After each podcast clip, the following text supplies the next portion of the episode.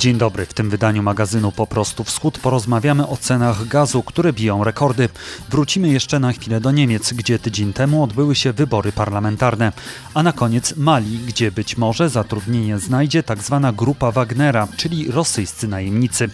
Na początek tradycyjne podziękowania dla wszystkich słuchaczy i subskrybentów. Zachęcam do zajrzenia na profil Po prostu Wschód na Facebooku, a także na playlistę na Spotify. I jeśli ktoś ma ciekawe propozycje tematów, Jestem otwarty, proszę pisać. Zaczynamy jak zwykle od podsumowania tygodnia piątek wieczorem władze Gruzji poinformowały o zatrzymaniu byłego prezydenta tego kraju, Michaila Saakaszwilego.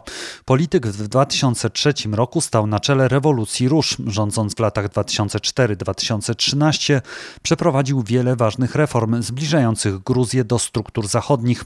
Pojawiały się jednak zarzuty dotyczące naruszeń praw człowieka. Od 2014 roku był ścigany przez gruzińskich śledczych. Ukrywał się m.in. na Ukrainie, gdzie zajmował stanowiska państwowe. Na Ukrainie rusza kolejne wielkie budownictwo. Po budowie dróg i remontach zabytków przyszedł czas na budowę inteligentnej granicy z Rosją i Białorusią. Program jest zaplanowany na lata 2022-2023. Od czasu upadku ZSRR w 1991 roku granica między Ukrainą a tymi państwami jest w wielu miejscach niewyznaczona i de facto niechroniona. Program ma to zmienić. Długość lądowej granicy Ukrainy z Rosją to prawie 2000 km, a z Białorusią Białorusią dwa razy mniej. Aleksandr Łukaszenka udzielił wywiadu amerykańskiej telewizji CNN. Powiedział m.in., że rozmowy o wejściu Białorusi w skład Rosji to absolutna głupota. Nieprawdą są też według niego informacje polskiego rządu na temat migrantów, a Białorusinów nie ma za co przepraszać. W odpowiedzi portal Zerkało, dawne Tutbaj, przedstawił całą galerię zdjęć torturowanych w białoruskich aresztach. Dziennikarz CNN Matthew Chance został także skrytykowany za nazywanie Aleksandra Łukaszenki mianem prezydenta. Rosja przypomniała sobie o wolności słowa na Białorusi. Powodem stało się zablokowanie przez reżim dostępu do portalu białoruskiej redakcji Komsomolskiej Prawdy. Przyczyną blokady było prawdopodobnie opublikowanie przez portal pozytywnych opinii o mężczyźnie, który śmiertelnie postrzelił funkcjonariusza KGB Białorusi. W odpowiedzi został zastrzelony. Ukraińskie koleje poinformowały w czwartek o wznowieniu od 10 października połączeń międzynarodowych do Polski. Koleje przypominają, że wcześniej wznowiono kursy do Austrii, Węgier, Słowacji i Mołdawii. Pasażerskie połączenia kolejowe między Ukrainą i Polską zawieszono w połowie marca zeszłego roku w związku z pandemią koronawirusa. Mama каже, пізно ділитися нам порівно на пари, адже завжди мало всім бабла.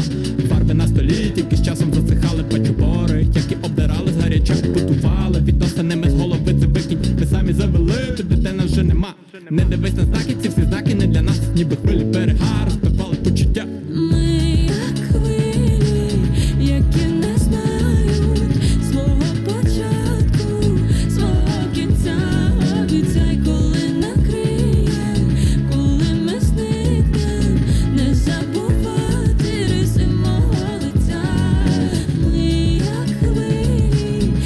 gazu biją rekordy. W piątek sięgnęły prawie 1200 dolarów za metr sześcienny. O przyczyny tego zjawiska zapytam redaktora naczelnego serwisu Business Alert Wojciecha Jakubika. Dzień dobry. Dzień dobry. Może wyjaśnijmy, że tu nie chodzi o ceny dotyczące długoterminowych kontraktów, a jedynie zakupów na giełdach. Niemniej jednak są to rekordowe sumy. Dlaczego? Mamy czynniki obiektywne, krótkoterminowe, długoterminowe i nieobiektywne. To znaczy przede wszystkim, tak jak e, na całym rynku surowców, mamy do czynienia z czkawką produkcji, to znaczy wraca popyt. Popyt na wszystko, w tym gaz ziemny, ze względu na to, że skończyła się trzecia fala pandemii, nadchodzi czwarta, ale ona nie gasi rozwoju gospodarczego tym razem. On przyspiesza. E, gospodarka chce e, się odbudować po tym, co stało się w 2020 roku i potrzebuje coraz więcej więcej surowców, w tym oczywiście gazu, natomiast podaż jest ograniczona, ponieważ w czasie najgłębszej pandemii, lockdownów dochodziło do ograniczenia produkcji, do zmiany planów y, różnych koncernów i w tym momencie mamy dużo większe zapotrzebowanie niż podaż gazu. Dlatego cena obiektywnie rośnie. Do tego dochodzi czynnik srogiej zimy zeszłego roku, która doprowadziła do opróżnienia magazynów gazu w miejscach, gdzie nie było regulacji, które zmuszają do ich uzupełniania, bo w Polsce takie regulacje są i my mamy pełne magazyny, ale obiektywnie zima e, wypróżniła te e, magazyny. Do tego dochodzi fakt, że gaz skroplony przez długi czas płynął głównie do Azji, bo tam była cena premium, opłacało się tam sprzedawać gaz skroplony i w Europie w ostatnim okresie było dużo mniej gazu skroplonego, na przykład ze Stanów Zjednoczonych, jeżeli nie pochodził e, ten gaz z kontraktów długoterminowych, tak jak w Polsce na przykład.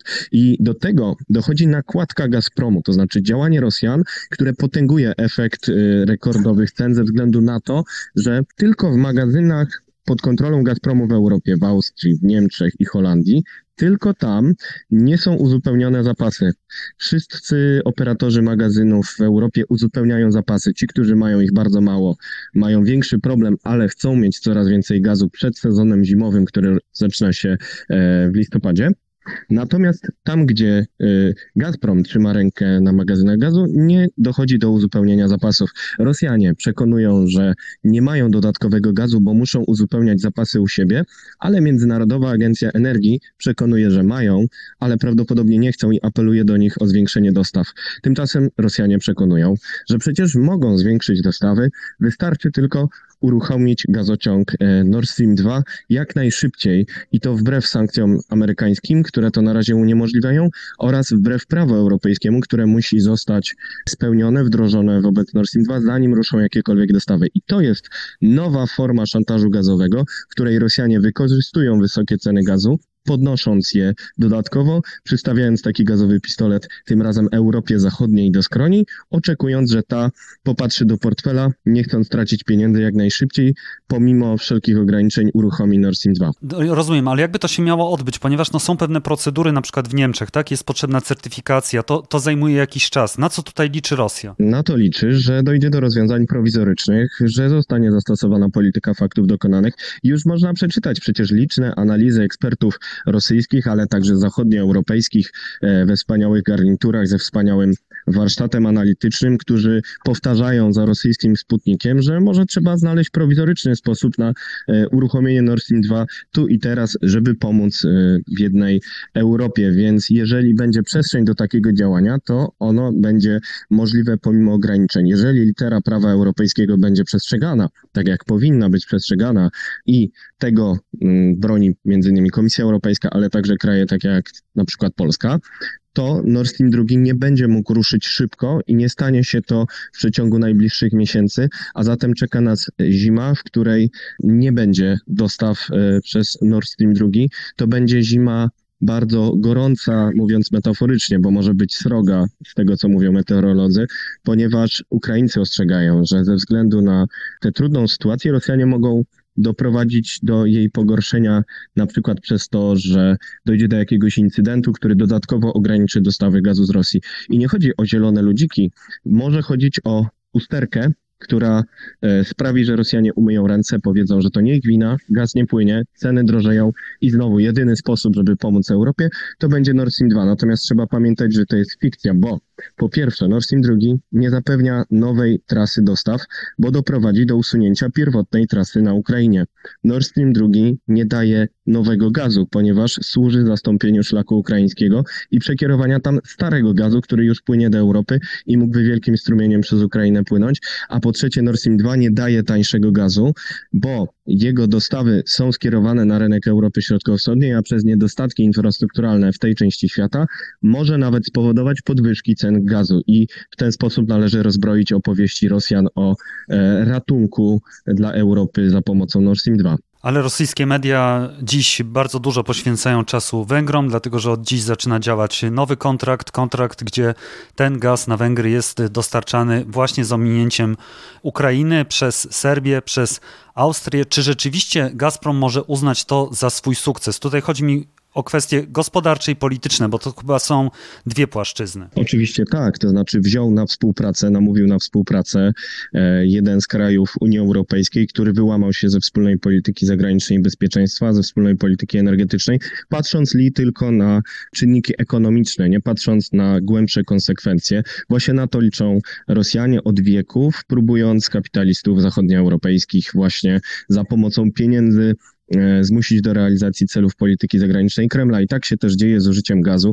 Gaz zamiast czołgów usidla państwa takie jak e, Węgry, wyłamuje je ze wspólnego szeregu państw europejskich, które mimo wszystko utrzymują kurs na sankcje wobec Rosji, które chcą się uniezależnić od gazu rosyjskiego. Nie. Viktor Orban spojrzał tylko na prosty rachunek ekonomiczny. Prawdopodobnie dostał atrakcyjną ofertę cenową od Gazpromu i zdecydował się na ruch, który pozwoli już zacząć omijać y, Ukrainę w dostawach gazu do Europy, bo ten gaz, który będzie docierał do Węgier przez Turkish Stream, czyli przez terytorium tureckie Bałkany do Węgrzech, nie popłynie przez Ukrainę, czyli dołożył kamyczek do tej presji rosyjskiej na Ukrainę, która może się skończyć destabilizacją ekonomiczną, polityczną i zwrotem prokremlowskim z Kijowie y, na którymś tam etapie, nie bacząc na politykę natowską, na politykę unijną. I w ten sposób właśnie działa Gazprom. Taki sam efekt ma odnieść Nord Stream 2 i odnosi względem Niemiec.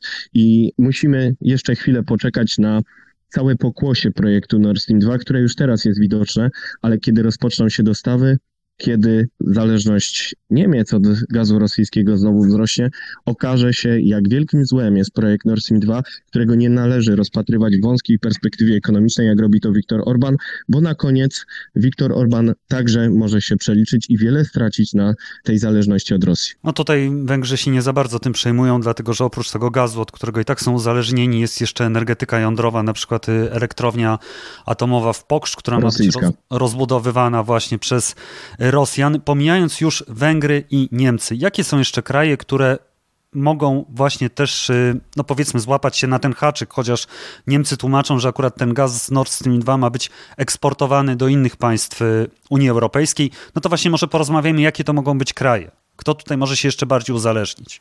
No, ten, ten gaz będzie eksportowany z Niemiec do Europy Środkowo-Wschodniej. To prawda, Niemcy chcą zarabiać też na reeksporcie tego gazu jako taki hub gazowy Rosji, więc to nie jest nieprawda, że Niemcy będą reeksportować ten gaz, natomiast będzie to ten sam gaz, który dociera teraz do Europy przez Ukrainę i Ukraina będzie najbardziej poszkodowana. Dla Polski to nie jest e, sprawa egzystencjalnego zagrożenia, bo mamy alternatywy. Jest e, terminal, będzie Baltic Pipe. Niemcy w pierwszym rzędzie są państwem które uległo tym mirażom współpracy z Rosją po raz kolejny już w historii, tak jak w latach 70., kiedy gaz miał e, cywilizować relacje ze Związkiem Sowieckim, a prowadził do rozwoju agentury e, w zachodnich Niemczech, co jest potwierdzone w dokumentach. Tak samo teraz e, wielu polityków zachodnioeuropejskich, którzy najpierw lobbowali za Nord Streamem I czy Nord Streamem II, otrzymuje sowite synekury na emeryturę właśnie w spółkach rosyjskich i najlepszy przykład to Gerhard Schroeder, ale już w kolejce czeka Manuela Szwesik, która jest premierem Mecklenburgii Pomorza Przedniego, broniącego Nord Stream 2. To jest gospodarz projektu Nord Stream 2, który już teraz zaczął krytykować e, projekt jądrowy w Polsce i oczekuje, że Niemcy zablokują ten projekt. Można się tylko zastanawiać, czy jest związek między tymi sprawami. Oczywiście poszukiwacze drugiego dna na pewno e, go sobie zdiagnozują. No i to jest wielki dramat naszej wspólnej polityki, że ona nie jest wspólna, często przez to właśnie, że mamy rozłamowców takich jak Viktor Orban, takich jak niestety w sprawie Nord Stream 2 też Angela Merkel. No właśnie, pewnie ta polityka rosyjska nadal będzie tak e, sprawnie prowadzona i tak e, operatywnie. Wojciech Jakubik, e, redaktor naczelny Biznes Alertu, bardzo dziękuję. Dziękuję.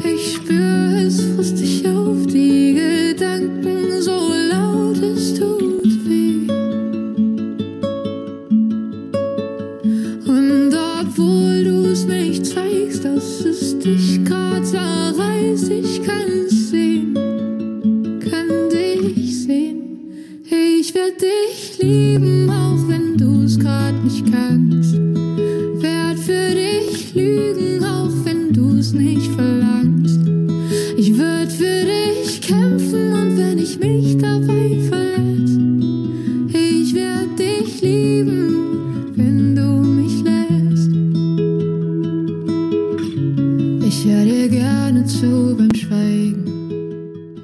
Tydzień temu mogli Państwo usłyszeć mój reportaż z przedwyborczego Berlina. Moim zdaniem nie traci on aktualności nawet już po głosowaniu, ponieważ dużo jest tam informacji o tym, jak Niemcy podchodzą do państw byłego ZSRR. Ale wyniki głosowania też warto podsumować.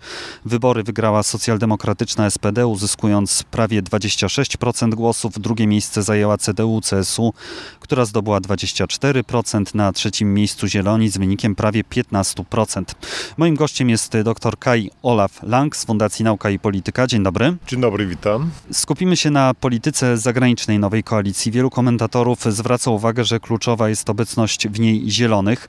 Ta partia jest dość sceptyczna wobec Rosji. Czy w związku z tym możemy spodziewać się zmian w polityce zagranicznej Berlina na tym obszarze, który nas interesuje, czyli w stosunku do mm, państw byłego Związku Radzieckiego? No, rzeczywiście ewentualna obecność Zielonych w nowym rządzie oznaczałaby, że jest tam partia, która ma dość sceptyczny stosunek e, do Rosji, która przywiązuje dużą wagę do wartości, która podkreśla znaczenie e, praw człowieka, która się opowiada za sankcjami i która też domaga się więcej zaangażowania na rzecz Ukrainy i innych bezpośrednich sąsiadów Unii Europejskiej.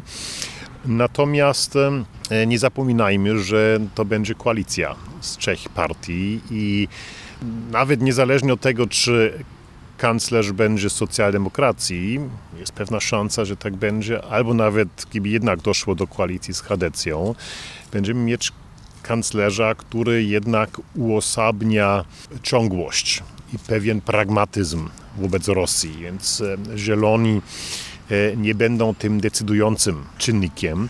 No i poza tym partia w rządzie to co innego niż partia w opozycji, więc partia w rządzie zawsze bardziej jest pragmatyczna, bo nie może urzeczywistniać swojego programu na, na 100%.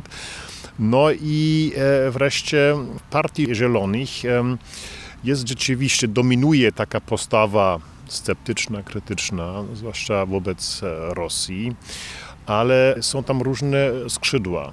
Co prawda dominuje chyba jednak takie przekonanie, że trzeba być bardziej stanowczo, zwłaszcza jeżeli chodzi o, o, wartości. Z drugiej strony jest tam też silna tradycja dialogu, tradycja, która co prawda akceptuje rolę NATO, ale która nie chce eskalacji na przykład w relacjach z Rosją i która bardzo dba o pokój i która jest sceptycznie nastawiona wobec bardziej zdecydowanych e, kroków na przykład na flance wschodniej NATO. Spotkałem się też y, z taką teorią, że jak zieloni wejdą do, do rządu, to wtedy retoryka pozostanie ostra, ale rzeczywiście rzeczywista polityka będzie taka jak dotychczas. Więc może być pewien podział pracy, tak, że zieloni będą dbać o to, żeby właśnie był taki czynnik normatywny, taki czynnik, który podkreśla właśnie taką zdecydowaną e, postawę.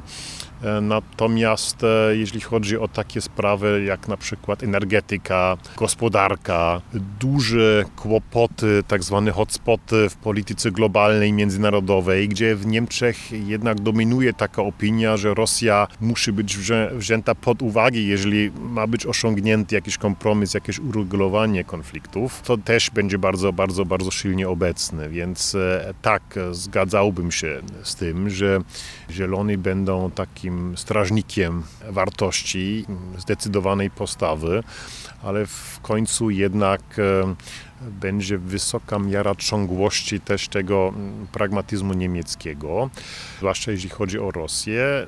Z tym, że czasy starej tak zwanej Ostpolitik, polityki wschodniej, która patrzy nawet z nadzieją na Rosję, która jest gotowa robić ustępstwa, która e, ma nadzieję, że intensywne powiązania gospodarcze spowodują jakieś przemiany wewnętrzne w Rosji, na te czasy już minęły. Więc tutaj e, jednak taki, taki główny nurt, taki mainstream e, w w Niemczech patrzy bardzo trzeźwo i realistycznie.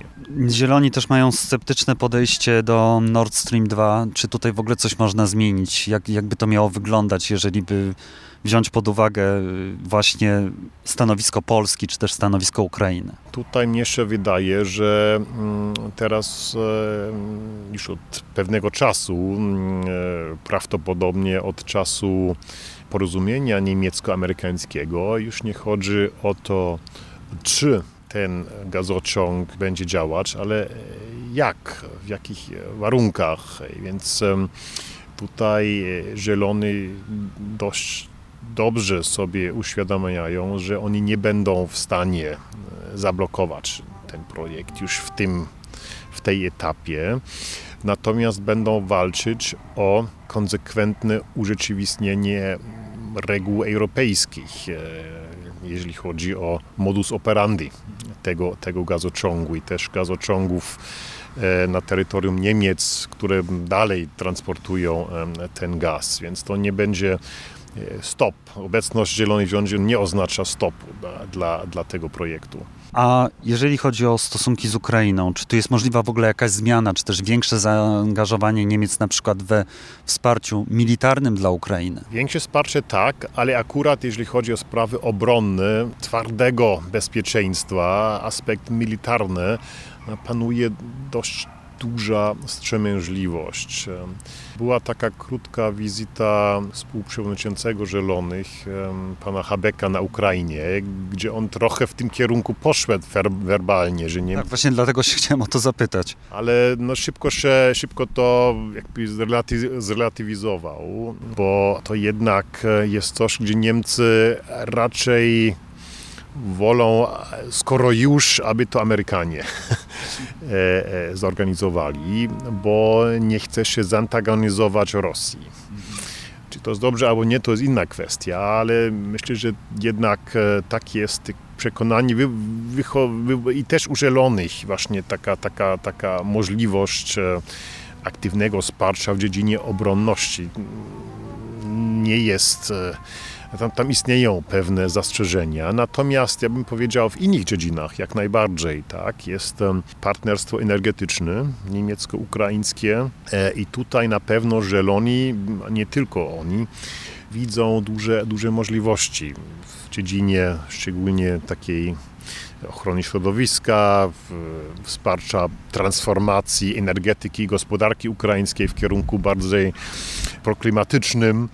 Tutaj na pewno Zieloni będą gotowi, nie tylko Zielony, nowy rząd będzie gotowy wspierać Ukrainę e, bardziej. I już w ogóle społeczeństwo obywatelskie, co jest mocną stroną Zielonych na przykład.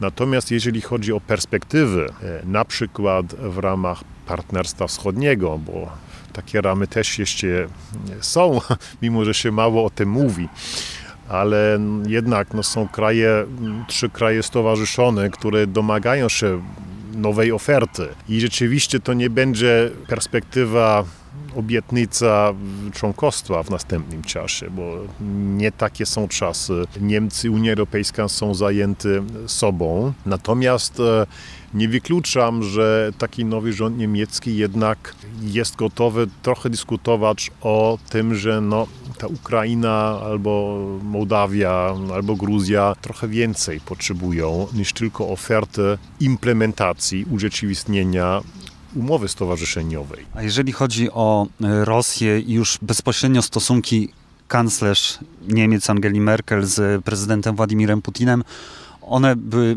powiedzmy chłodne, ale jednak widać było szacunek Putina do Merkel.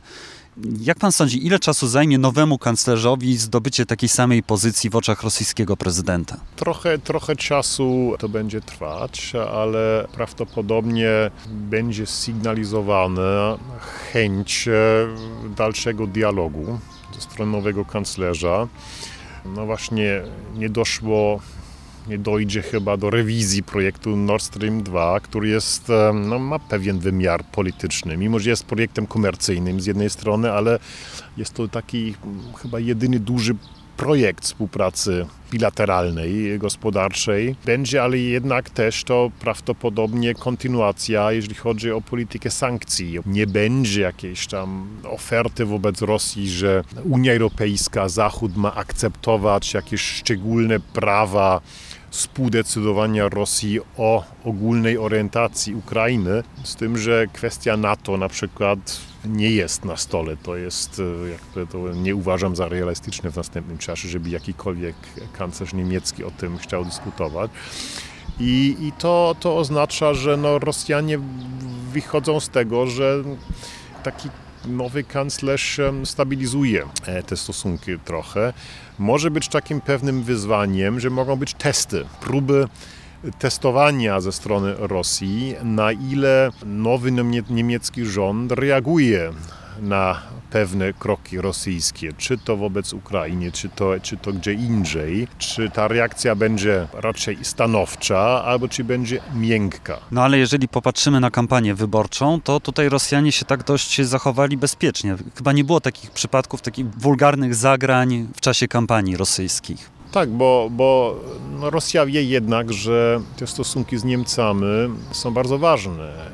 Niemcy do pewnego stopnia są partnerem, który zagwarantuje, że Zachód nie prowadzi tylko politykę wstrzymania, tak zwanego containment, ale które, że Zachód jakby ma prowadzi taką politykę dwutorową, która polega na tym, że tak, musi być silna odpowiedź, muszą być zdolności w sferze obronności i, i odstraszania, ale że jednocześnie też jest taka polityka wyciągniętej ręki i gotowości rozmowy z Rosją. O tym świadczyła próba, no w końcu nie, nie doszło do tego, niemiecka, popierana no, poniekąd też przez, przez Francję, jakiegoś tam spotkania na, na najwyższych szczeblach e, z Rosją strony Unii Europejskiej. No to niektóre inne kraje nie, nie, nie chciały, więc dopóki te relacje e, z Niemcami są poniekąd stabilne, i, i, nie, i Rosja nie jest postrzegana jako akter wyłącznie destrukcyjny, to Rosja zawsze ma takie, takiego mocnego czynnika w Unii Europejskiej, który nie chce eskalacji. Czy na przykład takie y, spotkania formatu normandzkiego, one będą teraz y, odkładane do czasu ustabilizowania się sytuacji, czy też wejścia nowego kanclerza w ogóle w te nowe obowiązki, które przed nim stoją. Bo tu chyba szybkiego spotkania się ciężko spodziewać, choć na przykład strona ukraińska zabiega o to, żeby jeszcze było spotkanie z kanclerz Merkel. Ja, nawet gdyby doszło do takiego spotkania, no nie będzie to spotkanie przełomowe raczej, tak? I rzeczywiście... Um, perspektywie raczej chodziłoby o to, mm, no co, co taki nowy rząd niemiecki, no i w perspektywie też taki stary, stary albo nowy prezydent Francji, no bo tam też będą wybory wiosną następnego roku. Ja tutaj nie spodziewałbym się żadnych, żadnych spektakularnych kroków, nawet gdyby doszło do takiego spotkania. Doktor Kai Olaf Lang, Fundacja Nauka i Polityka, bardzo dziękuję. Dziękuję.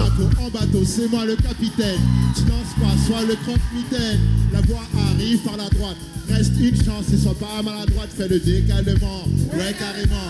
Vire-le, qu'on le fasse légalement. Si tu penses, c'est que c'est possible. Aujourd'hui, c'est dimanche, demain aussi. Respire son morosité, douce ou cachini, cité. Si quelqu'un appelle, dis-lui qu'on se tire à balle réelle. Ton bassin fait l'hélicoptère.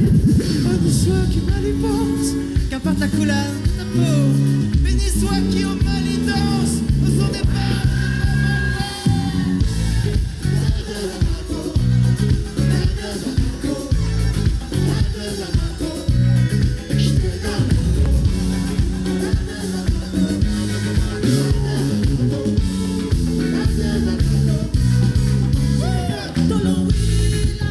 Władze Mali zdecydowały się na zatrudnienie najemników skontrolowanej przez bliskiego do Kremla biznesmena Jewgenija Prigozina grupy Wagnera. Czy oznacza to duże zwiększenie rosyjskich wpływów w tym regionie? O to zapytam doktora Cypriana Kozery z Polskiego Towarzystwa Afrykanistycznego. Dzień dobry. Dzień dobry panie redaktorze, dzień dobry państwu. Dlaczego władze Mali zdecydowały się na ten krok? Myślę, że rząd Mali, czy właściwie to, co udaje rząd Mali, bo przypomnijmy, że tutaj mamy do czynienia mm, z rządem, który jest e, utworzony już po zamachu stanu w zamachu stanu, więc tutaj ta legitymizacja mm, tej instytucji jako reprezentanta narodu malijskiego jest dość wątpliwa, ale nazwijmy go rządem.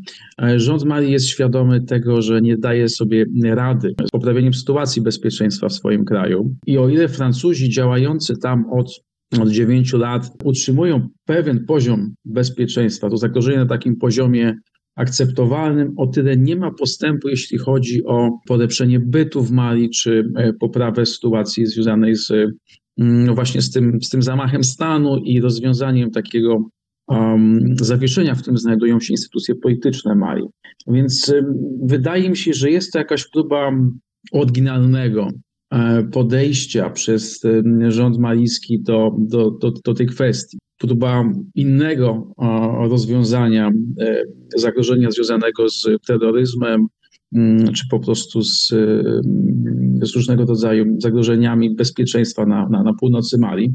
Wydaje się to dość krótkowzroczne, wydaje się to mało mało realizowalne, mało prawdopodobne, żeby przyniosło pożądane skutki inne niż jakieś tymczasowe, ale też może o to chodzi. Prawdopodobnie rząd malijski jest tak, w takim stanie, że każda propozycja, każda próba ukazania się jako skutecznego rządu jest, jest tutaj dla nich pożądana.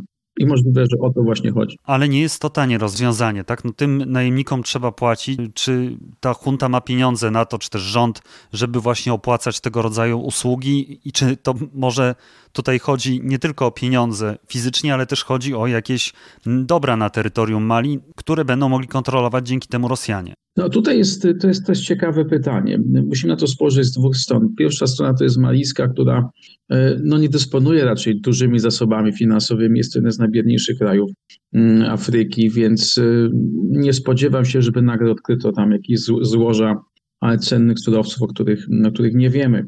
Jeśli chodzi o Rosję z kolei, no to mm, Rosja rzeczywiście działa, można powiedzieć, podzielić logikę działania Rosji na takie jakby trzy kanały. Pierwszy to jest ochrona interesów Rosji, ochrona interesów strategicznych, politycznych. Drugi to są interesy rosyjskich firm, takich na przykład bardzo istotnych rosyjskich firm e, państwowych jak Gazprom czy, czy Rosatom.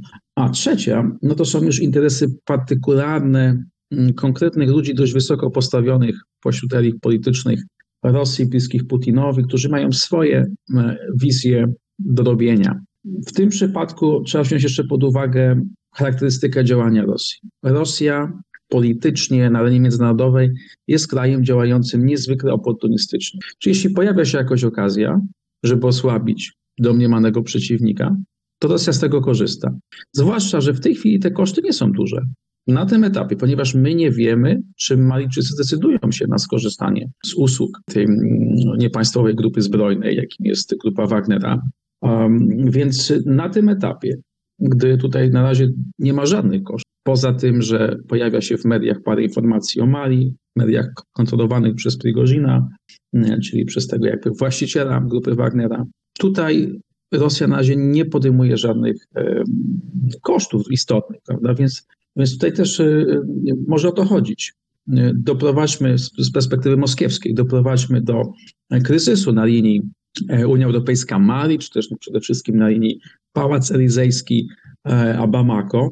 I to już jest zwycięstwo Rosji. To już jest wygrana za darmo, bez, bez żadnych kosztów. Natomiast jeśli by doszło oczywiście do um, wysyłki grupy Wagnera, czy też zaznaczmy, mówimy grupa Wagnera troszkę jak mówimy Al-Kaida.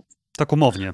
Tak, to, to po prostu często to są, to mogą być, te grupy mogą mieć inne nazwy, ci ludzie mogą mieć, zmieniać szyld, E, prawda, dzisiaj coś jest Tesco, jutro będzie Realem i tak dalej, ale to są, to są po prostu te same półki sklepowe i to jest ta sama zawartość, tak samo jest tam, to są ci sami um, żołnierze lub po prostu ludzie w ten sam sposób zwerbowani, w ten sam sposób zarządzany przez środowisko bliskie Władimirowi e, Putinowi. No więc wysłanie też ich też, pamiętajmy, że Rosja nie jest y, takim mocarstwem jak Stany Zjednoczone. Rosja swoją świetlaną przeszłość ma już za sobą i o ile jest w stanie y, prowadzić konflikt y, hybrydowy niskim kosztem, znowu podkreślmy to niskim kosztem na Ukrainie, no i wspierać jeszcze przy tym Bashara Assada w Syrii, wysyłać najemników i parę samolotów do Libii, no tyle, te zasoby po prostu kiedyś się skończą. To rzeczywiście robi się y, duże obciążenie dla, dla Rosji, która też nie ma nieskończonych zasobów finansowych, a wręcz przeciwnie. Tutaj też nie możemy liczyć na to, że y, Rosja zastąpi Francję. W tej chwili na, na Sahelu mamy 5 tysięcy, około 5100 francuskich żołnierzy. Nie sądzę, żeby Rosja była w stanie wysłać, zrekrutować i wysłać taką liczbę. Więc podejrzewam, żebyśmy mówili o kilkuset żołnierzach wysłanych do Mali, którzy też no, nie zrobią tego, co Francuzi nie stopili. Nie będą mieć tego też sprzętu, którym dysponowała armia francuska, wspierana oczywiście przez też potencjał amerykański. Więc wysłanie kilkudziesięciu, kilkuset instruktorów i żołnierzy do Mali nie rozwiąże problemu. A może wręcz przeciwnie. Ale pan tutaj powiedział o tym y, w drugim punkcie o interesach y, firmy Gazprom czy Rosatom. Czy rzeczywiście takie interesy w Mali są? Bo w innych krajach afrykańskich, tam gdzie pojawiają się tego rodzaju najemnicy, zazwyczaj oni chronią bezpośrednio działalność firm rosyjskich. Tak, tak. Więc tutaj może, może chodzi o jakieś kontrakty, przy czym ja y, tutaj o nich nie, nie jestem, nie mam wiedzy na ten temat. Natomiast było tak rzeczywiście w Republice Środkowoafrykańskiej, gdzie rzeczywiście pojawiły się firmy rosyjskie eksplorujące kopalnie surowców, złota, przede wszystkim diamentów w północno-wschodnich e, regionach. E, Republiki Środkowoafrykańskiej. Więc rzeczywiście jest to taki pakiet e, coś za coś, prawda? My pomagamy panu prezydentowi wygrać wybory, pan prezydent nam daje wolną rękę w eksploatacji surowców. Może, może w pewien sposób to być powtórzone w Mali, natomiast na pewno z perspektywy malijskiej to nie rozwiąże problemów niestabilności, a może wręcz przeciwnie, dlatego że Francja E, Emmanuel Macron e, bardzo ostro wypowiedział się o, tych, o tym pomyśle, um, zagroził wycofaniem się z, z Mali. No, Francja już w tej chwili właściwie wycofuje, zmniejsza siły. W ciągu pół roku ma je zmniejszyć do, e, o połowę, do około 2,5 tysiąca żołnierzy. Próbuje też Francja przenieść tą, tą siłę ciążenia na wspólny wysiłek unijny państw, państw członkowskich wspierających armie lokalne państw afrykańskich. Natomiast Francja może w pewnym momencie powiedzieć, że w ogóle wycofuje się ze współpracy z Mali, gdy pojawią się tam najemnicy. No i wtedy mm, trzeba wziąć pod uwagę to, że problem z północą, problem z rewoltą na północy Mali nie jest rozwiązany. Ta umowa z Algieru nie jest w pełni implementowana, więc Tuaregowie, którzy podnieśli ten bunt, mogą powiedzieć, że to jest, znaczy mogą to uznać za wymówkę, żeby powtórzyć sytuację. I wtedy y, Francja umyje od tego ręce i kto wie, czy, czy nie dojdzie do kolejnego buntu na północy i kolejnego de facto de facto rozłamu y, kraju. No a na ile to jest ważne też dla takiego propagandowego przedstawienia siebie Rosji na terytorium Afryki jako państwa, które no też y, działa aktywnie, bo my wiemy, że ta obecność, o której mówiliśmy w innych państwach afrykańskich, ona zazwyczaj, jej zazwyczaj towarzyszą też inne działania, takie działania już typowo soft powerowe, jak nie wiem, uruchamianie radiostacji, produkcja jakichś filmów, które też właśnie mówią o ważnej roli Rosjan. Czy tutaj też się możemy tego spodziewać? Znaczy, oczywiście wszystko, co mało kosztuje, będzie e, wykorzystywane przez Moskwę. Jest to kraj bardzo oportunistyczny, jeśli chodzi o, o, politykę międzynarodową, korzystający z każdej możliwości, żeby wepchnąć jakąś e, szpilkę Zachodowi, podważyć tą rolę Zachodu na tych tradycyjnych, nazwijmy na to politycznie, terenach. Pamiętajmy, że, że Moskwa była obecna przecież w Afryce bardzo mocno. W tej chwili nie ma tego potencjału, żeby być tak samo obecna jak, jak e, jak w okresie zimnej wojny. Natomiast próbuje to właśnie w ten taki sposób, nazwijmy to modnym słowem hybrydowy, odbudowywać, tak? Czyli niskim kosztem robić dużo szkody, albo niskim kosztem robić dużo hałasu. I, i tak należy patrzeć na, na, te, na te wszystkie działania czy to w Libii, czy, czy w Republice Środkowoafrykańskiej, czy na Madagaskarze, czy w Sudanie i być może niedługo w Mali. No chociaż jestem, jestem bardzo sceptyczny, bo doprowadzenie przez rząd malijski do e, przyjazdu najemników rosyjskich na pewno doprowadzi do kryzysu e, na linii Bamako-Paryż, który no nie widzę tutaj korzyści dla, dla, dla rządu e, malijskiego. Czy jest jeszcze coś takiego jak w czasach ZSRR, że osoby z Afryki studiowały na przykład w Moskwie czy w innych miastach e, rosyjskich i dzięki temu Rosji jest łatwiej działać na tym terytorium? Czy to już minęło wraz z upadkiem Związku Radzieckiego? Mi chodzi o takie wyjazdy zorganizowane, bo powiedzmy, że studentów z Afryki mamy też na przykład y, na Ukrainie czy na Białorusi, no ale to jest chyba trochę inny model działania. Tak, no bo mówimy tutaj o, o konkretnym, o, o, programie stypendialnym, prawda? I wiadomo, że program stypendialny, ludzie byli wybierani do, do niego i rzeczywiście były takie przypadki, że spotykało się polityków czy prezydenta kraju afrykańskiego, który mówił po polsku, bo on skończył studia w Warszawie. Tak? I to oczywiście to, to, dotyczyło całego bloku wschodniego. Tworzono specjalne szkoły, które miały otwierać się na Afrykę i przy, przyciągać studentów z Afryki, oczywiście właśnie tych wybranych. Natomiast pamiętajmy, że, że minęło e, już 30 lat i następuje wymiana pokoleniowa. I, I po prostu ci ludzie już są e, mocno, mocno na emeryturze. Rosja musiałaby na nowo w tej chwili uruchomić takie, takie programy, przy czym w tej chwili wydaje mi się, że zastępuje się to nową technologią, zastępuje się to raczej właśnie mm, działalnością w mediach społecznościowych, gdzie próbuje się takie związki mm, podbudować. Widzimy to właśnie w tych wszystkich mediach kontrolowanych przez Prigozina, że w tej chwili od paru tygodni pojawiają się informacje na temat Mali. Czyli jest prowadzona taka, taka kampania informująca i jakby legitymizująca te, te działania Rosji w Mali. Natomiast to jest to troszkę takie budowanie, budowanie czegoś, e, czegoś e, z niczego, bo nie dostrzegam takich fundamentów, jak, jak były kilkadziesiąt lat temu. Już tak kończąc naszą rozmowę, ja rozumiem, że y, Rosja ma tak naprawdę bardzo silnych konkurentów na mm, kontynencie afrykańskim. Chyba tutaj przede wszystkim chodzi o Chiny, tak? I z tego, co pan mówi, wychodzi na to, że no Rosja działa rzeczywiście tanim kosztem i nie jest w stanie zainwestować tyle, co na przykład Chińczycy robią w Afryce. No tak, potencjał tutaj ekonomiczny jest, jest y, zupełnie inny. Natomiast Rosja też ma zupełnie inny modus operandi, zupełnie inaczej e, podchodzi do tego problemu. Tak? Sposób działania Chińczyków jest inny, działają biznesowo, ekonomicznie, gospodarczo, stając się jakby wykupić Afrykę, uzależnić na podstawie dawanych kontraktów konkretnym państwom, mm, uzależnić od siebie realizację tych kontraktów na zasadzie dajemy wam miliardową pożyczkę na budowę dróg, te drogi zlecacie nam, my je budujemy, potem my je utrzymujemy, więc jest to wieloletni mm, mechanizm uzależniający.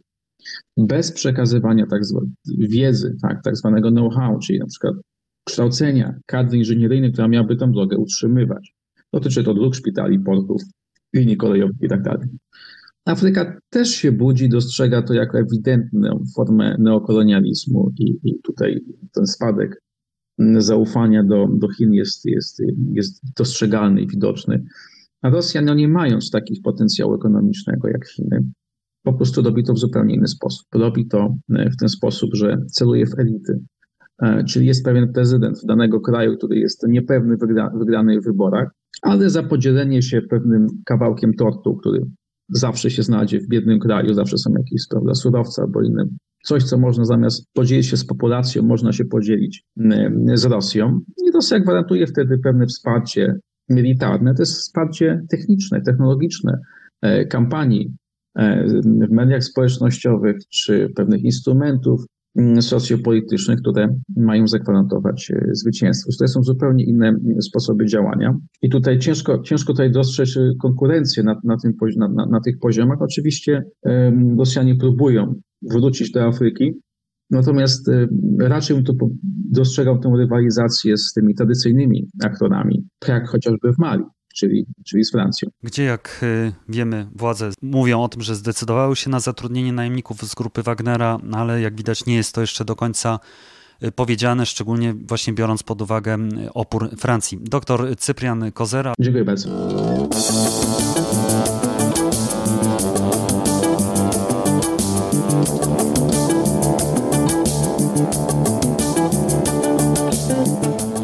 I to już wszystko w tym odcinku podcastu Po prostu Wschód.